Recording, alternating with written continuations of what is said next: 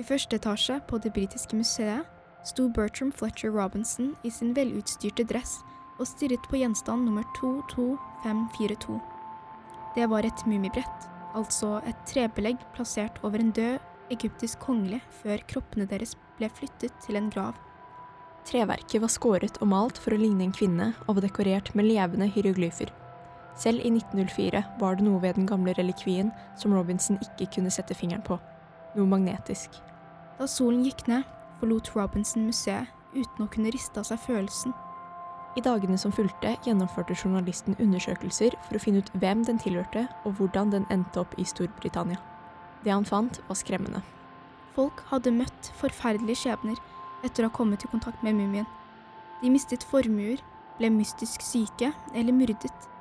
En vandret til og med ut i ørkenen og bare forsvant. Noen mente at den var forbannet. Nesten tre år senere døde Robinson av forferdelig feber. Seks år etter det skal en anonym arkeolog ha kjøpt mumibrettet fra det britiske museet. Han planla å ta det med til Amerika. Noen mener at mumibrettet ble plassert om bord Titanic den 10. april 1912.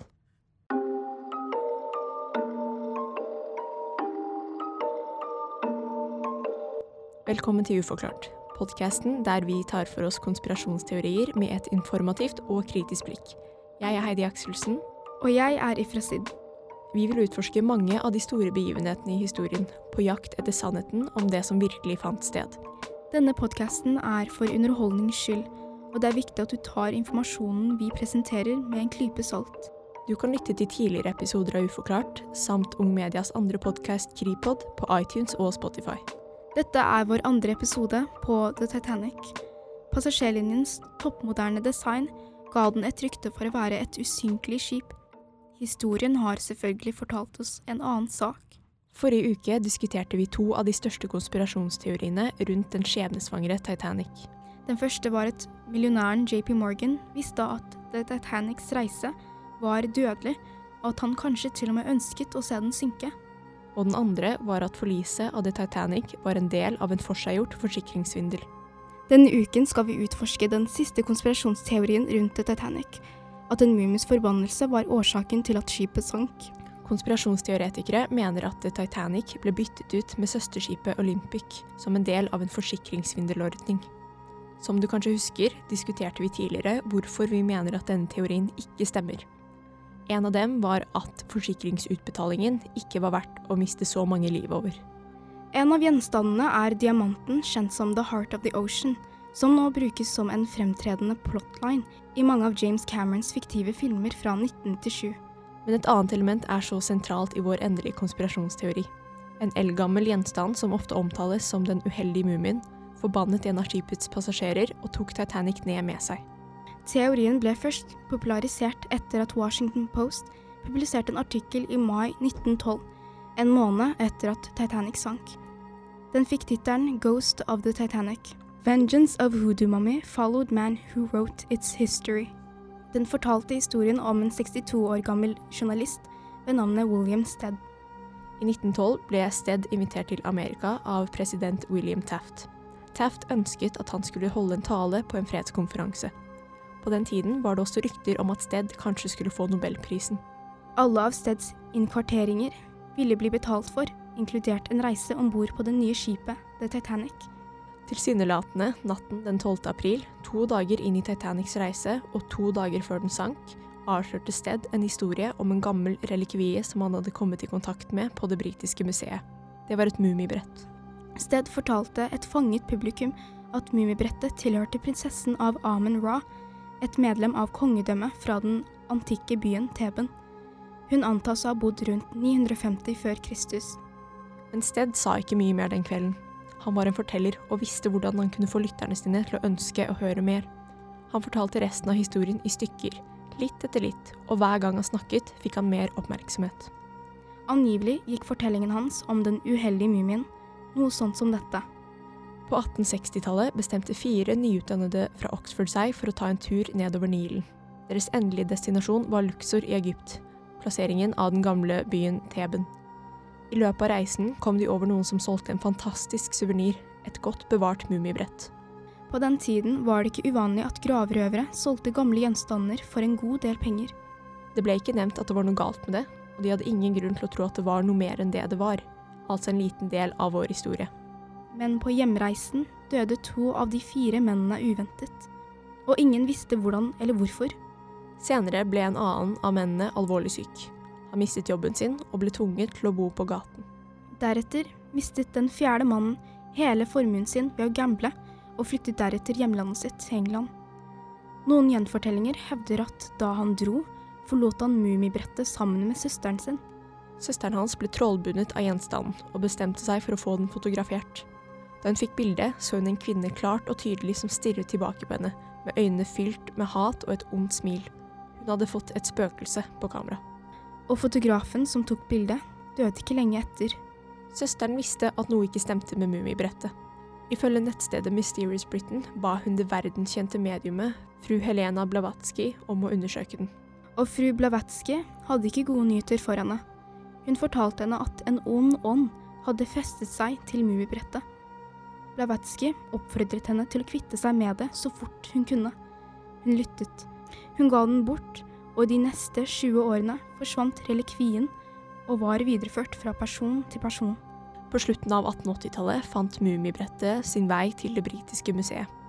Ved ankomsten ble en av museets ansatte kritisk skadet mens han prøvde å bringe den inn, og en annen ansatt døde mystisk to dager senere. Men etter det forble det på det britiske museet under tittelen Den uheldige mumien. Det var historien til Sted, ifølge en anonym overlevende som angivelig hadde hørt den. Tilsynelatende mente noen få av de andre passasjerene om bord The Titanic at journalisten hadde med seg forbannelsen. Etter fire dager på sjøen var William en av de 1500 menneskene som omkom forliset av skipet. Hvor sann er historien? Vel, William var en ekte mann, og han var en respektert journalist. Han hadde en lykkelig og sunn familie før turen, og det er ingen bevis som tyder på at Sted ble forbannet. I motsetning til de andre menneskene i historien hans, hadde Sted aldri Mummibrettet i sin besittelse men hans død om bord til Titanic kan antyde at han ikke trengte å være i besittelse av relikvien for å føle dens virkninger. Rett etter at gjenstanden først ankom det britiske museet på slutten av 1880-tallet, rapporterte de ansatte om høyt stønn og smell fra utstillingen etterpå. Noen mener at en navnløs arkeolog fra New York kjøpte mummibrettet fra museet.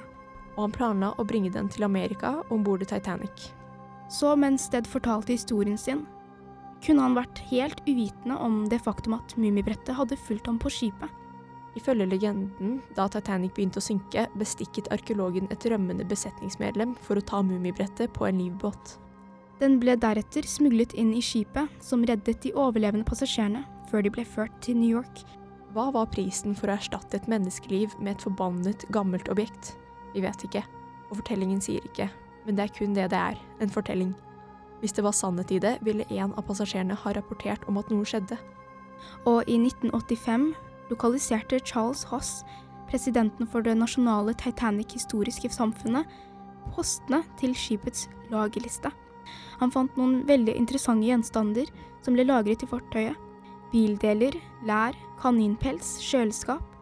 Men ingen mummibrett. Men den uheldige mumiens mummibrett eksisterer derimot. Bare fordi den kanskje ikke var på The Titanic, betyr ikke at resten av historien ikke er mulig. Det er mennesker som tror den er forbannet. Men ifølge det britiske museet har gjenstanden siden sin ankomst i 1800-tallet kun forlatt deres besittelse én gang. I 1990 lånte de den ut til en liten pop-up-utstilling, den ble returnert kort tid etter og har ikke flyttet siden. Du kan se den selv i London. Etter vår undersøkelse av denne teorien føler vi at vi kan trygt si at den uheldige mumien er en forseggjort myte rundt en fascinerende gjenstand. Og så mye som jeg likte historien, må jeg være enig med deg. Den eneste troverdige delen av historien er at folk ble skremt av en ekkel historie. Titanics forlis var forferdelig.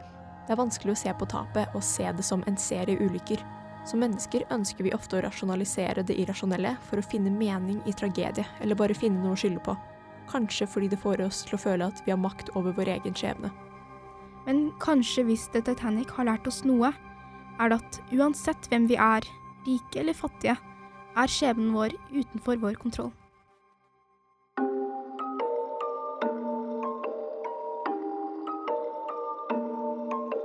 Takk for at du lyttet til Uforklart. Vi kommer tilbake neste fredag med en ny episode. Du finner alle episoder av Uforklart og vår andre podkast Kripod gratis på Spotify og iTunes.